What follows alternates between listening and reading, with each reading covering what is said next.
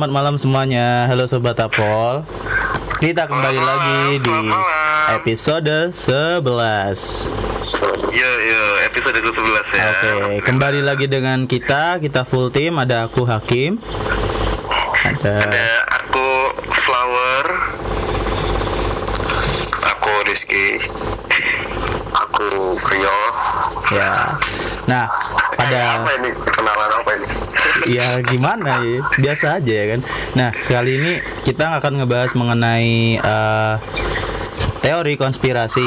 Nah teori konspirasi ini kan muncul lagi nih di di tengah tengah-tengah pandemi covid ini apalagi dengan banyak ketidakpastian ya ketidakpastian entah dari kapan covid ini selesai ataupun kebijakan dari pemerintah sendiri yang nggak cuma di Indonesia aja mungkin ya di beberapa negara maju juga mengalami hal serupa. Apalagi banyak konspirasi teori ini kalau tak lihat-lihat ya sumbernya itu sebenarnya dari negara-negara maju seperti Amerika ya dari ilmuwan-ilmuwan sana. Nah kalau menurut kalian sendiri konspirasi teori itu seperti apa sih siapa dulu ya ini? Ah, Dimas Dimas Dimas Oke. Dimas duluan Dimas dulu aja Oke, eh, oke dari Flower ya. Eh, Sebenarnya aku aku ter, aku tertarik untuk membahas dari sisi apa ya? Mungkin bisa disebut psikologi kali ya mungkin ya ini ya. Sebagai orang yang bekerja di di institusi psikologi ya kak ya. Jadi kalau ngomongin soal konspirasi, eh, obrolan itu tidak akan keluar dari eh, tema-tema tentang perilaku ya, behavior ya, behavioral behavioral teori gitu. Di dalam teori-teori behavior itu ada yang disebut dengan bias kognitif atau cognitive bias ya dalam bahasa Inggris. Di mana eh, di dalam bias bia- di dalam bias kognitif itu juga dibahas banyak sekali eh, cabang-cabangnya gitu yang disebut bias kognitif itu. Ada sekitar 25 buah cabang bias kognitif ya kurang lebih. Cuman kalau ngomongin tentang soal konspirasi pasti banyak ahli yang mengatakan eh, banyak ahli yang akan melihat ini dari tiga cara sudut pandang ya di dalam bias bias kognitif itu. Yang pertama adalah mungkin confirmation bias ya nah, disebutnya. Ketika orang itu lebih cenderung mempercayai apa yang sudah dia yakin maksudnya eh, dia itu mengkonfirmasi hanya han- eh, sumber-sumber konfirmasi sebuah berita. Dia itu terbatas hanya pada apa yang dia suka misalkan eh, kita nggak suka Cina gitu ya. Kita nggak suka Cina gitu. Terus sekalinya keluar berita jelek tentang Cina eh, COVID ini sumbernya dari Cina. Langsung kita kayak apa ya pandangan kita itu langsung bias buruk lah intinya dengan dengan Cina gitu. Apa pun itu bentuknya seperti itu ya mungkin ya. Terus yang kedua tentang proportionality bias di dalam cabang ini itu orang itu percaya bahwa hal besar pasti disebabkan oleh sesuatu hal yang besar kayak gitu. COVID-19 ini kan sebuah hal yang besar ya teman-teman ya. Benar nggak? Eh, sebuah hal yang besar itu pasti disebabkan oleh sesuatu hal yang besar dan mereka akan berasumsi gitu sesuatu hal yang besar yang menjadi sebab itu apa. Nggak mungkin covid ini hanya disebabkan oleh sebuah virus dari dari dari orang makan kelelawar. Itu nggak mungkin. Itu yang diyakini oleh konspirasi gitu ya. Ketika mereka uh, yakin bahwa covid ini adalah sesuatu hal yang besar pasti disebabkan oleh sesuatu yang besar. Apa kira-kira sesuatu yang besar itu? Ya itu akan memicu asumsi-asumsi orang untuk mungkin ini mungkin itu kayak gitu. Seperti itu. Yang ketiga mungkin adalah projection bias atau bias proyeksi ya. Jadi orang memproyeksikan gitu besok ini begini begini begini begini begini ya. Kita kan juga banyak loh eh, asumsi-asumsi lain tentang keadaan covid itu di masa depan itu seperti apa. Apakah herd, herd immunity itu juga bisa dikatakan sebuah bias project projection bias gitu ya. Sebenarnya ada banyak ya di dalam cognitive bias itu ada ada lebih dari 25 hal yang bisa dimasukkan dalam cognitive bias ada belief bias blind spot bias clustering illusion conservatism bias dan infographic dan sebagainya tapi itu uh, menurutku yang perlu yang perlu uh, kita tahu kenapa orang bisa bisa meyakini dan membuat tentang konspirasi itu ya itu tiga hal itu mungkin seperti itu kak Wow, keren. Jadi jadi orang tuh cenderung mempercayai konspirasi teori karena bias-bias itu dim maksudnya. Orang tuh punya kecenderungan sesuai dengan behavior ya teori perilaku ya. Orang itu akan punya kecenderungan untuk berpikir rasional. Asumsinya seperti itu.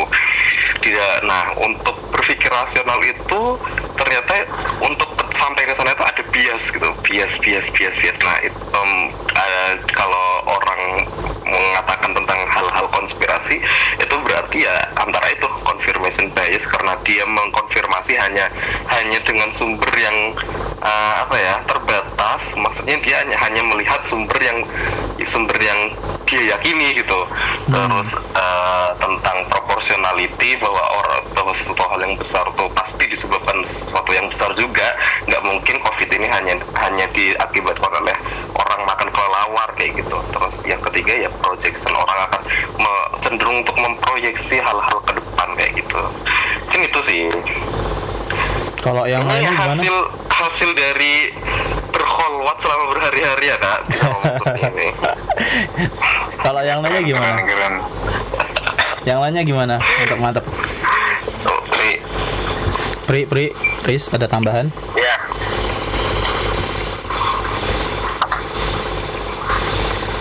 aku dulu kali ya lo. iya iya benar-benar Ya Rizky dulu Rizky dulu. Kalau aku memandang sebenarnya kalau bahasan teori konspirasi itu kurang masuk ya. Maksudnya aku bilang konspirasi gitu.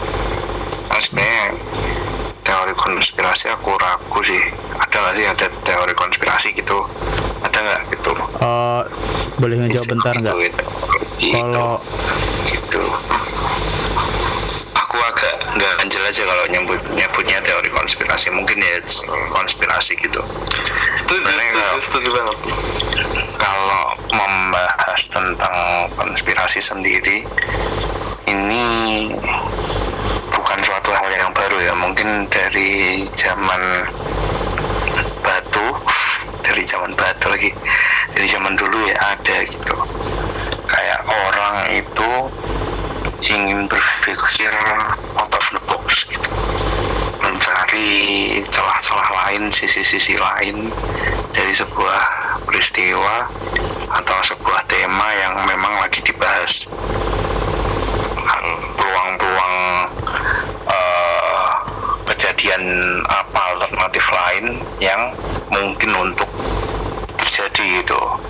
Kayak orang tuh nggak percaya ya ya bener kayak Dimas sih sebenarnya kayak orang tuh mempercayai apa yang dia percayai doang gitu.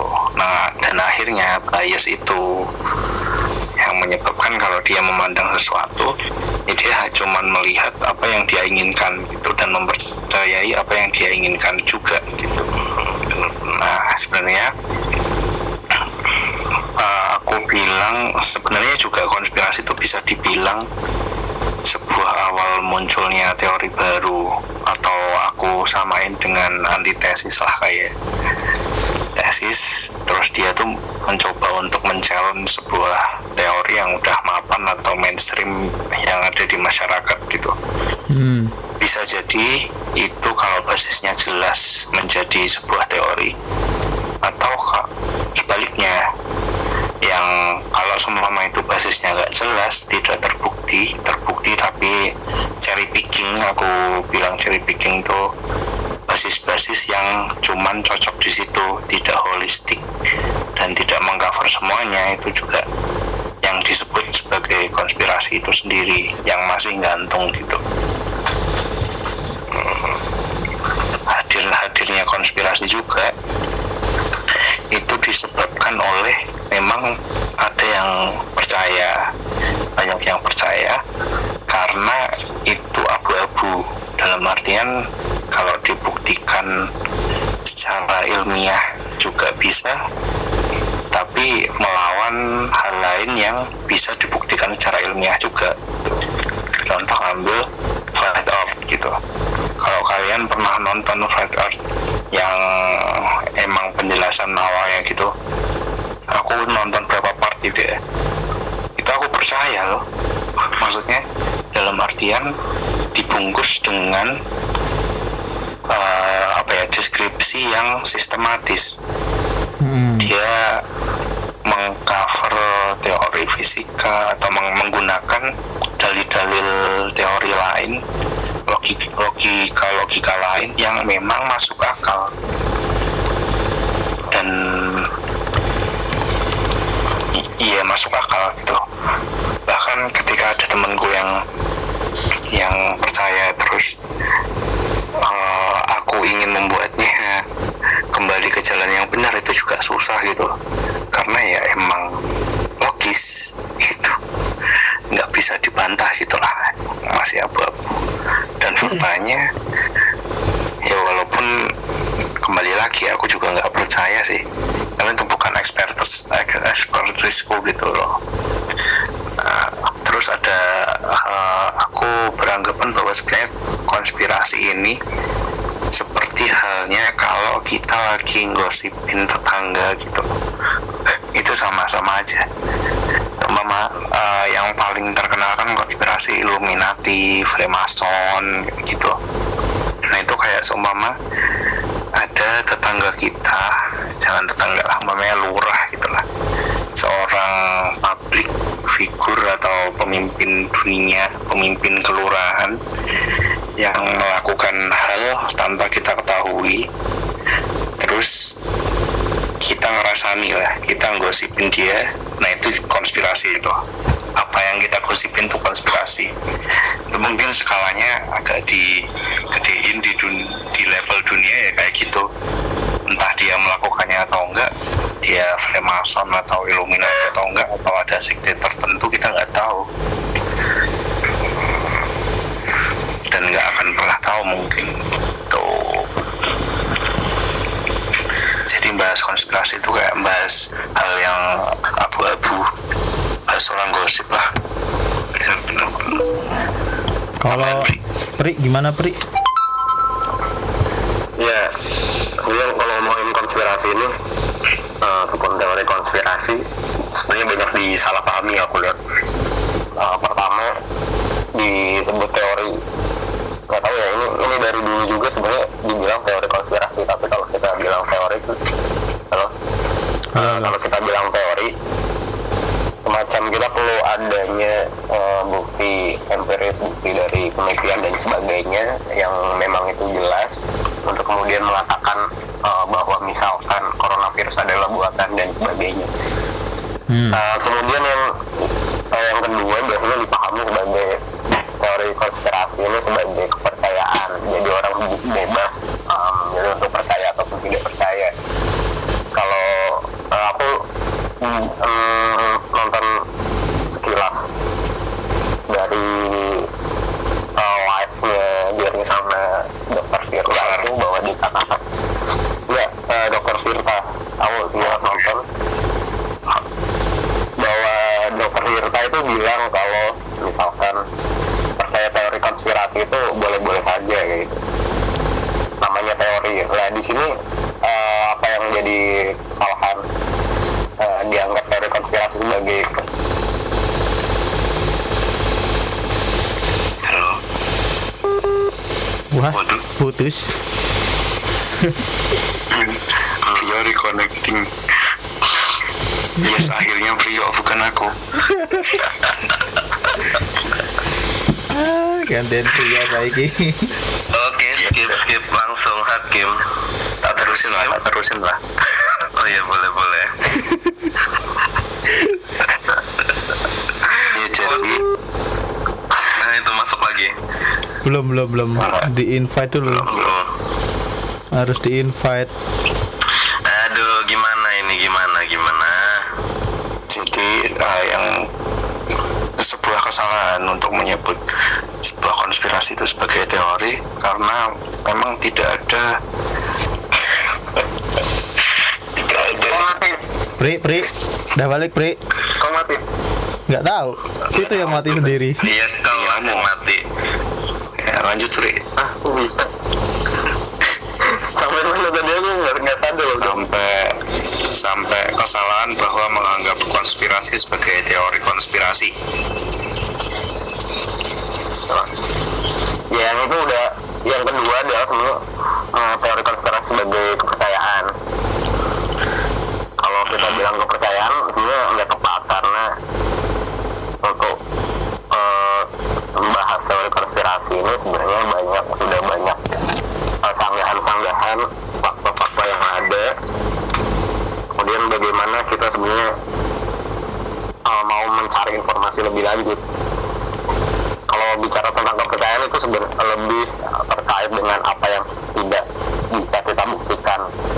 Jadi kalau apa yang dibilang teori konspirasi itu juga eh, istilahnya bisa dibantah, di falsifi, kalau nggak salah falsifel, bisa disalahkan.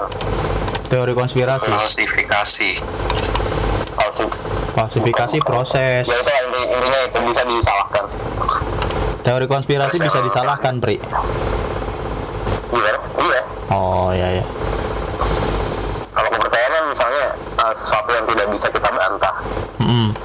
Karena hubungannya ke Tuhan kan. ya. Kemudian kalau kita bicara konspirasi, teori konspirasi ini juga eh, ada di setiap rentang waktu, rentang eh, kelompok sosial, tentang ideologi, baik kanan ataupun kiri, sebenarnya ada juga dalam setiap peristiwa, misal politik ataupun krisis seperti ini, itu semacam ya hadir lah untuk mengisi perdebatan-perdebatan tapi mulai dari misal juga yang kemarin kan ada pemilu itu juga ataupun juga dari dulu menganggap bahwa adanya Illuminati Hmm. itu Ustaz Ustaz siapa? Ustadz Baikuni, Ini, Bagoni, Baikuni, Baikuni. Ah, Mbak Kurni Rahmat itu ini sama juga kan cuma bedanya Daikun itu dari kelompok Islam yang satu Jering ataupun dan kawan-kawannya itu nggak tahu nggak jelas sih Liberalis lah ya, libertariat lah ya. Anarko, anarko. tapi yang kelihatan ada persamaannya yaitu hubungannya sama Free- Freemason dan kawan-kawannya itu oh itu iya. juga sih menjadi pertanyaan kenapa mengacunya itu ke situ kalau globalnya di situ Nah, Iya. aku juga nggak nggak paham sejarahnya mau gimana mau tak tam udah selesai belum, Pri?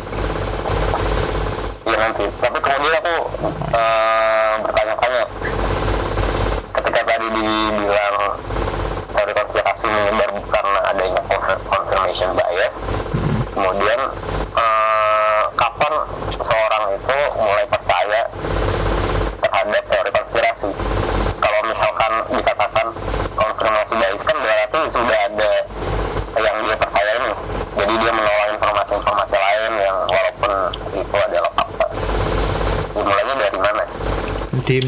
Oke. Sebenarnya kalau uh, ngomongin soal kons ini kembali ke konteks COVID-19 ya sebenarnya yang yang yang kita aku mau bahas.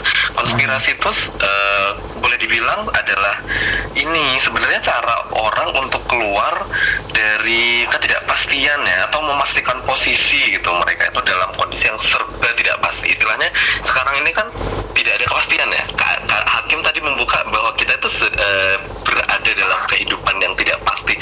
Segala segalanya itu tidak pasti dari dari awal dari kapan virus ini masuk dari eh, dari kejelasan kejelasan apa namanya kebijakan terus dari kejelasan masa depan se- sebenarnya semua semua ini nggak pasti gitu.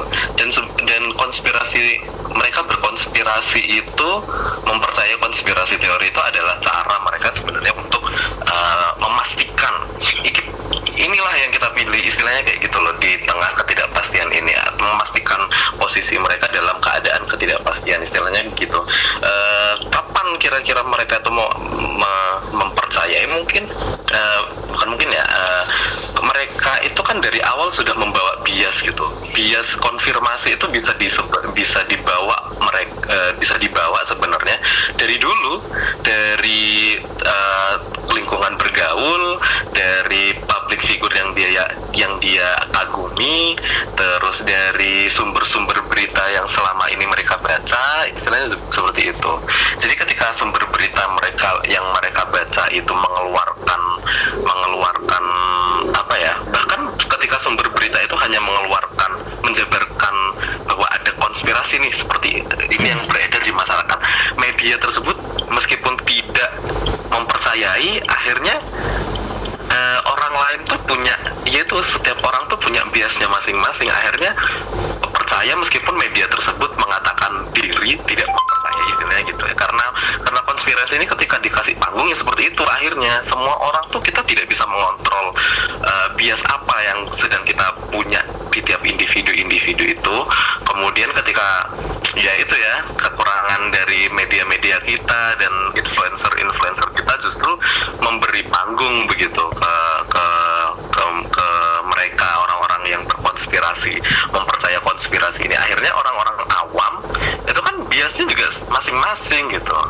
Ya membawa akhirnya kayak gitu sih sebenarnya. Itu sebenarnya konfirmasi confirmation bias tuh emang dari sudah dari awal apa ya hmm, yang mereka nilai nilai yang mereka anut dari setiap setiap apa pun itu. Media yang diyakini public figure yang dianuti terus pergaulan yang mereka hidupi selama ini seperti itu sih. Kayak Berarti kepercayaan gitu. terhadap eh, teori konspirasi juga faktor lingkungan ya?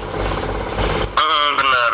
Terus ya aku mau nambahin dikit ya. Konspirasi itu kalau bisa dibilang berhasilnya ya karena berita itu di frame eh, berita tentang konspirasi itu di frame dan menyentuh sisi emosional. Kita eh, masyarakat ini kan sedang berada di titik emosional yang unstable ya, segala macamnya tidak stabil gitu. Ketika mereka mendapatkan menyentuh sisi emosi, maksudnya kalian pernah nggak sih dengar Avril Lavigne itu mati, kemudian Avril Lavigne yang sekarang tuh adalah duplikat dari Avril Lavigne yang sudah mati. Banyak orang orang orang tuh percaya gitu. Ya sama kasusnya dengan COVID. COVID di gara-gara di di COVID ini ya or berita-berita tentang konspirasi itu akhirnya di frame seperti Jerings dan sebagainya yang nge-tweet terus tampil di TV mengatakan ini dan itu. Itu eh, kata-kata itu yang kemudian bermain menyentuh sisi emosional orang-orang yang sudah memang membawa bias gitu dari awal. Akhirnya banyak lah yang percaya kayak gitu. Ini nggak cuma di Indonesia ya. Seperti seperti Hakim bilang ya di mana pun itu bahkan di negara maju seperti Amerika Serikat pun juga sama kasusnya seperti itu. Itu sih Eh, gini ya, aku mau nambahin juga. Mungkin tadi udah dijelasin Ya. kena- apakah ini di, bisa dikatakan sebagai konspir teori atau enggak. Kalau dari beberapa ahli yang aku baca di jurnalnya sih, konspirasi sendiri itu eh, alur sebuah rencana yang di dilakukan oleh dua atau lebih aktor yang powerful. Nah, terus kalau bedanya dengan konspirasi teori itu adalah usaha untuk menjelaskan penyebab sosial dan politik dan keadaannya yang mengklaim bahwa ini tuh adalah up- upaya dari apa ya? Upaya dari tingkah lakunya powerful power powerful aktor tadi itu gitu loh. Maka itu kenapa eh, konspirasi teori itu selalu berakhir di Freemason atau Bill Gates karena mungkin mereka tuh orang-orang yang sangat powerful. Jadi jadi sangat mungkin untuk menjadi apa ya tujuan akhir dari sebuah teori konspirasi ini apalagi menurutku sendiri sangat sulit kan untuk membuktikan misalkan Bill Gates ini melakukan ini nih tapi kita berpikir gitu dan ingin membuktikan kita juga ingin ketemu Bill Gates juga ingin ketemu siapa? Siapa kurang ajar itu. Kita ingin ketemu Bill Gates juga susah kan untuk membuktikan itu kan. Ya kayak gitu sih. Jadi perbedaannya tuh ya konspirasi itu lebih ke arah bisa dibilang verbnya perilakunya sedangkan konspirasi teori itu adalah penjelasannya. Kalau menurut beberapa ahli sih Ya, seperti kalau itu jelas lah. Kan tapi mungkin yang lebih cocok apa ya? Prasangka kah atau dugaan Nah asumsi? itu prasangka Ya, sih. semacam itu ya. Karena yang aku pahami yang di di dalam sebuah teori konspirasi itu semua prasangka sih. Karena dibuktikan secara ilmiah juga nggak punya metode-metodenya. Terus seperti kita tahu hasil hasil dari konspirasi teori itu ya pasti video Bukan sebuah jurnal. Kayak gitu kan video atau apa ya broadcast semacam itulah. Bukan jurnal atau buku. Kayak gitu buku yang menurutku menurut ngikutin metodologi ilmiah gitu loh. Yang sudah melalui uji-uji bermacam-macam seperti itu. Ya kayak gitu sih. Tapi sebenarnya ada juga eh, beberapa yang dianggap teori konspirasi dan dan ternyata itu betul. Hmm, nah itu ah, benar. Nah, itu kan pembuktiannya sendiri gimana itu, Pri? Kamu tahu nggak, Pri? Soalnya yang aku yang aku baca ya, lima teori konspirasi yang terbukti benar tuh kebanyakan dilakukan oleh pemerintahan sendiri gitu loh. Aku Ah, baca iya, di kumparan sendiri ternyata pelaku-pelakunya itu yaitu pemerintah Amerika gitu loh. Dari lima itu bisa dicari di Google sendiri ya males. Jadi ya mungkin kalau misalkan kecenderungan kebenaran dari teori konspirasi aku malah punya prasangka sendiri bahwa kemungkinan besar pelakunya pemerintah kayak gitu loh. Aktor powerfulnya itu gitu loh. Seperti itu sih kalau menurut prasangka aku itu. Sebenarnya bicara teori konspirasi kemudian apakah itu dianggap betul ataupun tidak ya bagaimana orang yang melempar uh, asumsi itu prasangka itu bisa membuktikan dengan data-data yang valid Hmm. nggak nggak cukup cuma dengan video dengan memes nah ya. dengan link di YouTube ataupun di internet itulah nah dan itu kalau kalau misalkan uh, teori konspirasi mau dianggap penting ya seperti itu gimana lanjut lanjut Bro. ya udah udah Oh ya udah. Nah, terus kalau teori konspirasi di COVID ini menurut kalian eh, sudah dijelaskan kan sebelumnya? Ini karena banyak orang percaya karena ke- keadaan tidak pasti ya, Dim ya. Tapi menurut kalian bagaimana sih dampak-dampaknya terus eh, bagaimana sih pengaruhnya ini tuh terhadap penanganan COVID sendiri seperti itulah.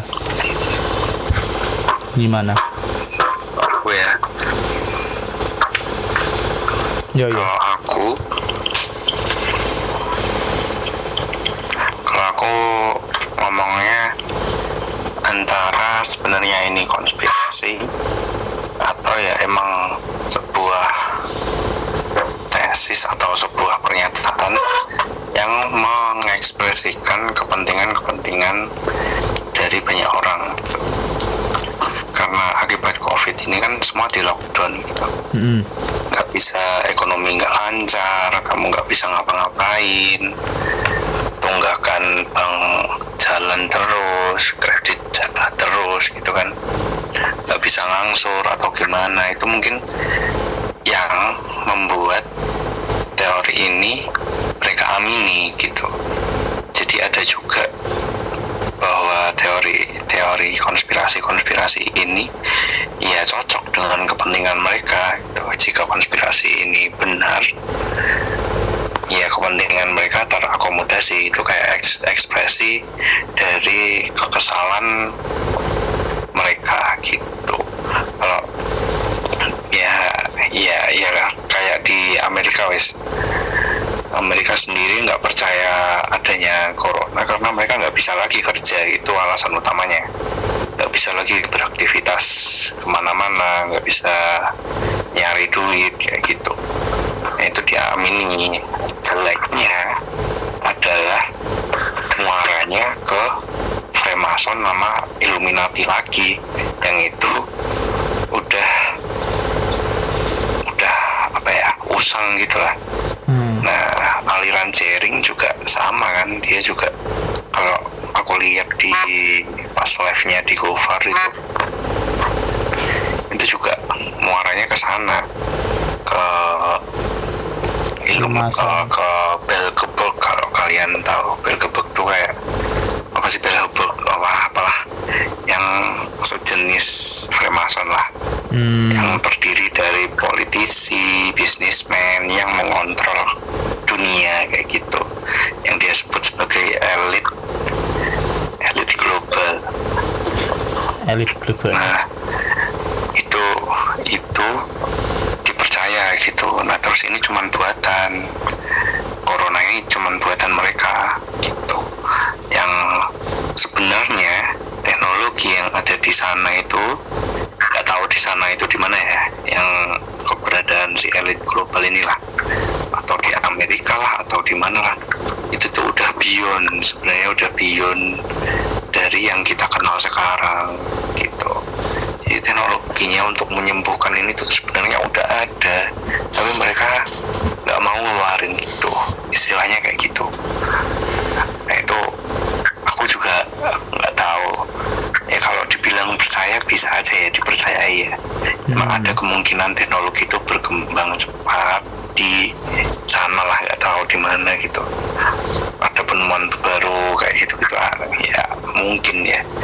Tapi kan nggak ada buktinya dan emang berakhir di asumsi aja. Hmm. dan jeleknya adalah untuk memenuhi kepentingannya sendiri. Ya ekspresi kepentingan lah. Kayak kayak political will ini mungkin kayak apa ya, economical will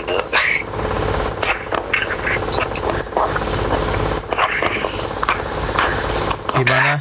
Yang lain ada tanggapan lagi nggak? Pengaruh dari kov apa teori konspirasi terhadap COVID ini? kalau pengaruh pengaruh sendiri kalau di Indonesia kayaknya nggak berpengaruh ya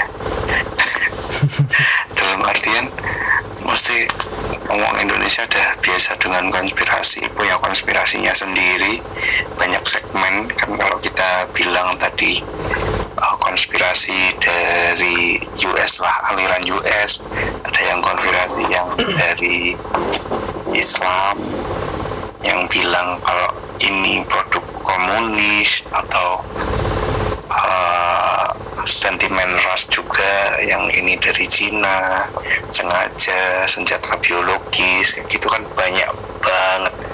Kayak yang di Madiun itu juga kan. Ada apa di Madiun?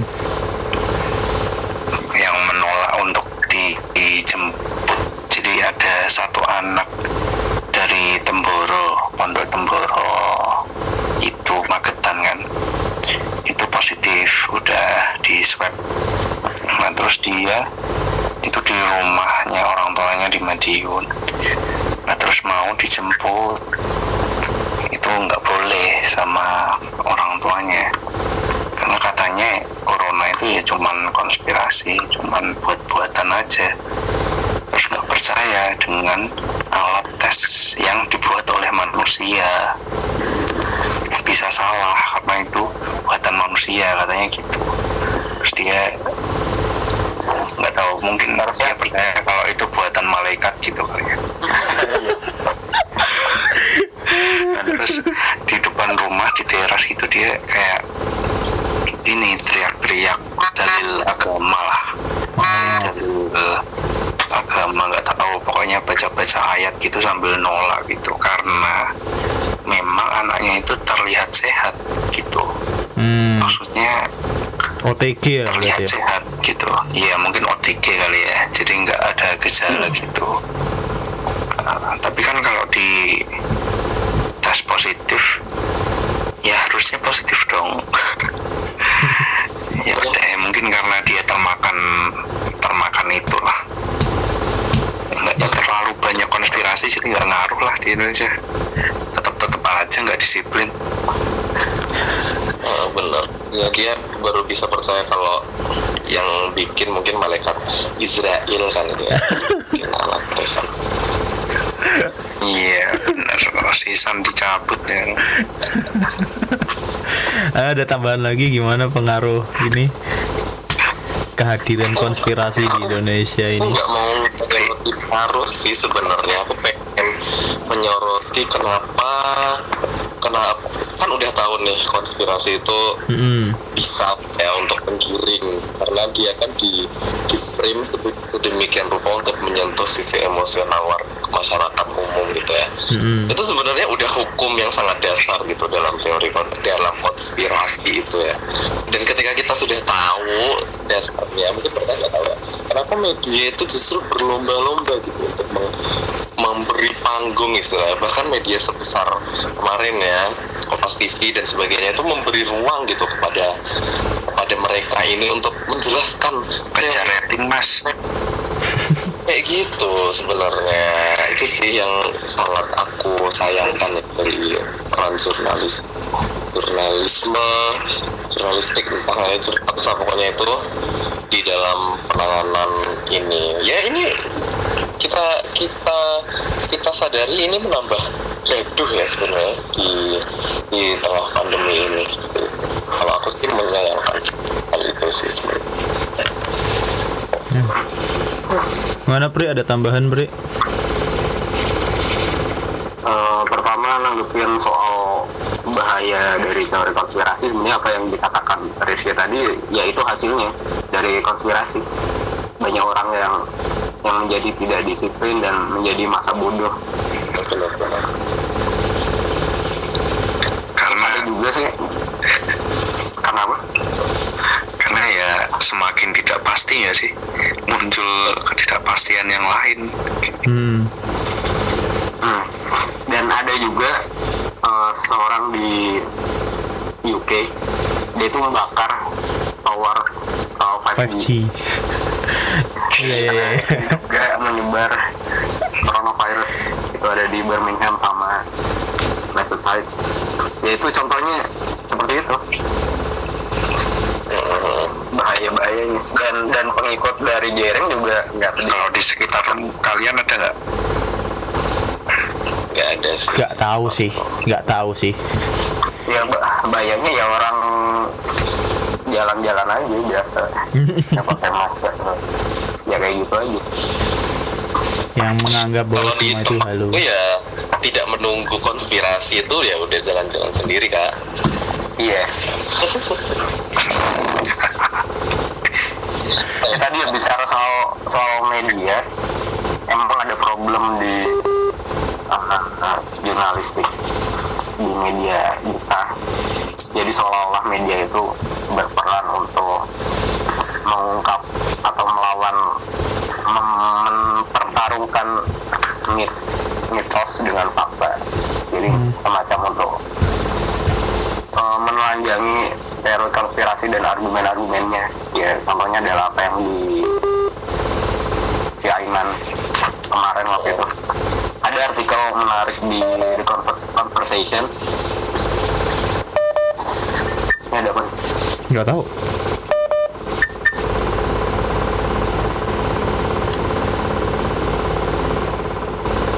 Rizky keputus kayaknya. Riz, Hei, oi oi, keputus wah. ada yang mencet loh ini Gak ngerti aku juga.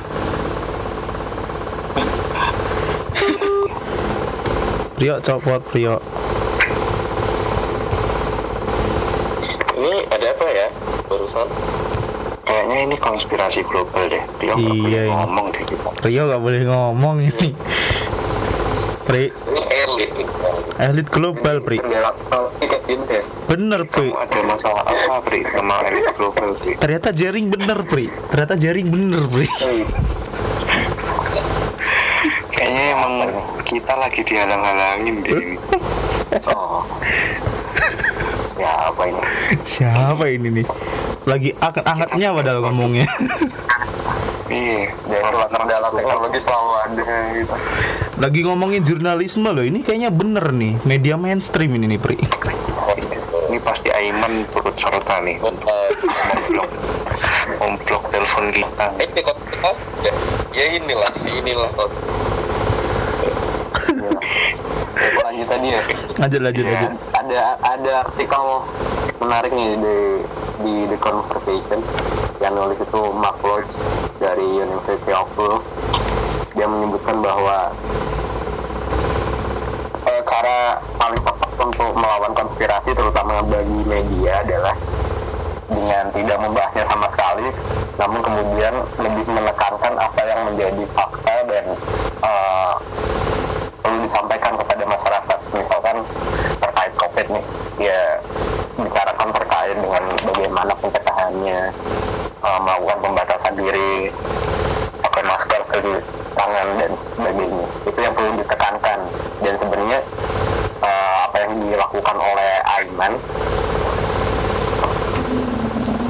bisa dibilang sebagai eh, adanya backfire effect. Jadi orang itu mungkin orang-orang yang nonton itu langsung.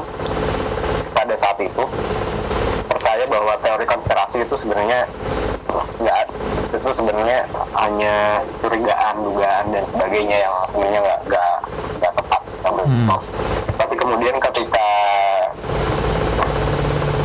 eh, selanjutnya maksudnya ketika beberapa waktu kemudian orang itu cenderung lupa terhadap fakta yang ada dan yang diingat adalah konspirasinya Hmm. hmm. ya itu namanya backfire itu paham paham baca dari sini. Oke oke oke. Menarik menarik. apalagi Iya kayak halnya pas Karni Ilyas itu ya, yang Sunda Empire juga sama-sama aja sih. iya benar. tapi bedanya kalau Sunda Empire kan ya orang paham sebagai lelucon kalau ini kan ya bahayanya terkait dengan nyawa kita Betul. Namanya Urgensinya Oh, iya, beda. iya, Kalau Sunda Empire kan Isunya beda. Sunda Empire kan mengancam keamanan pun tidak. Ini mengancam nyawa. Tapi itu tetap sebuah konspirasi super sih yang terjadi di Indonesia. Hmm. Tapi kenapa konspirasi di Indonesia munculnya dari bukan orang yang powerful ya? bukan apa Bukan orang yang powerful ya kayak Sunda Empire, Keraton Agung Sejagat. Loh, loh, loh, loh. Ferdinand Hutapian kan kamu tidak menganggapnya sebagai orang powerful.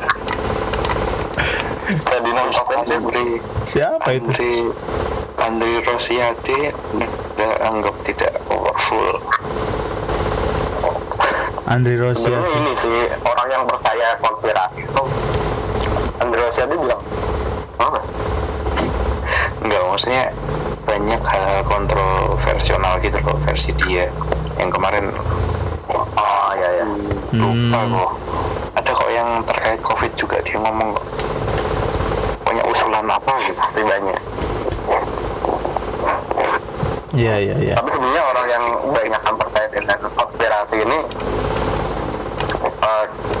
orang yang dari kelompok pendidikan yang rendah dan juga ekonomi rendah mungkin gitu. Tapi kemudian yang yang memproduksi bisa jadi orang yang yang paham tapi kemudian merasa dirinya sebagai korban. Jadi kemudian eh, melakukan protokol lagi sebagai itu. Iya. Hmm. bisa jadi juga biar nambah adsense Biar viral. oh iya.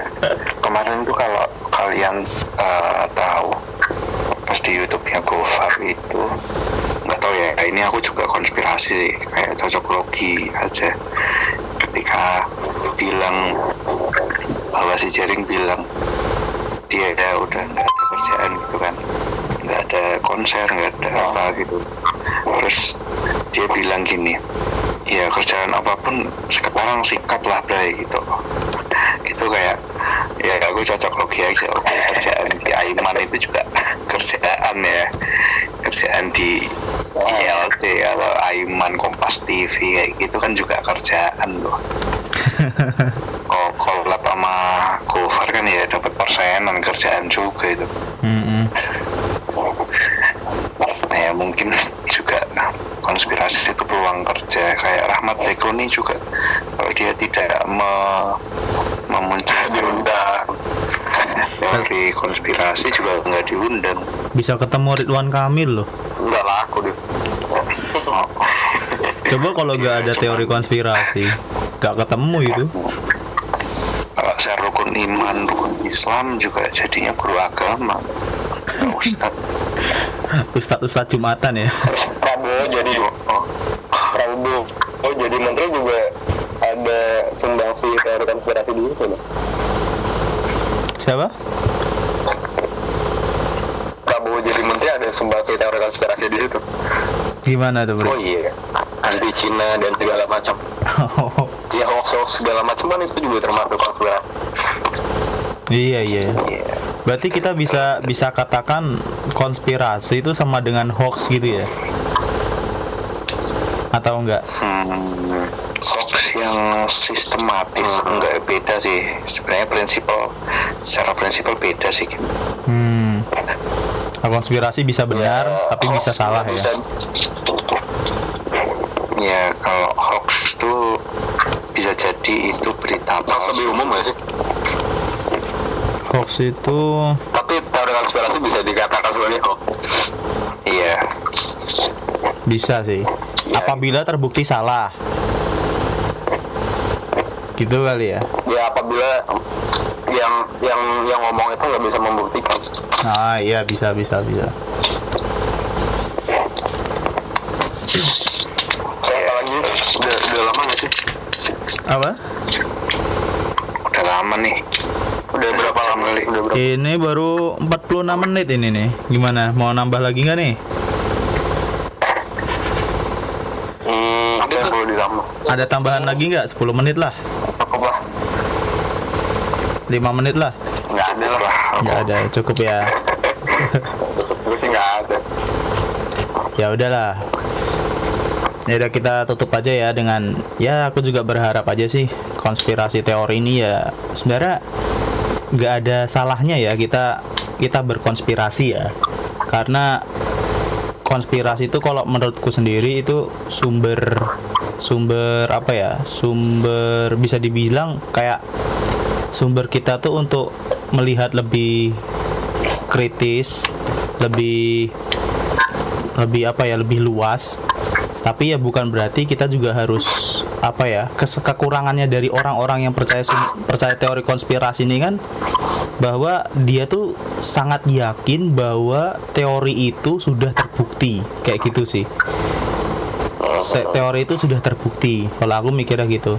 Jadi ya aku harap aja semoga ke depannya teori konspirasi ini teori konspirasi terutama mengenai covid ini ya tidak sampai membawa orang tuh sampai mengimplementasikannya lah seperti itulah. Jangan jangan nambah lah orang-orang yang kayak di Madiun orang-orang yang kayak ceritanya siapa ya ceritanya Sabda itu yang aku lihat di Twitter itu. Terus orang-orang yang kayak Jering itu jangan sampai lah kita boleh mungkin bisa berpikir oh kayaknya ini logikanya bener nih konspirasi ini. Tapi jangan sampai kita melakukan justifikasi kalau ke orang tersebut gitu loh. Apabila itu juga belum tentu benar dan kita mengimplementasikan apa yang dikatakan teori konspirasi itu. Di mana ada tambahan lain nggak sebagai penutup?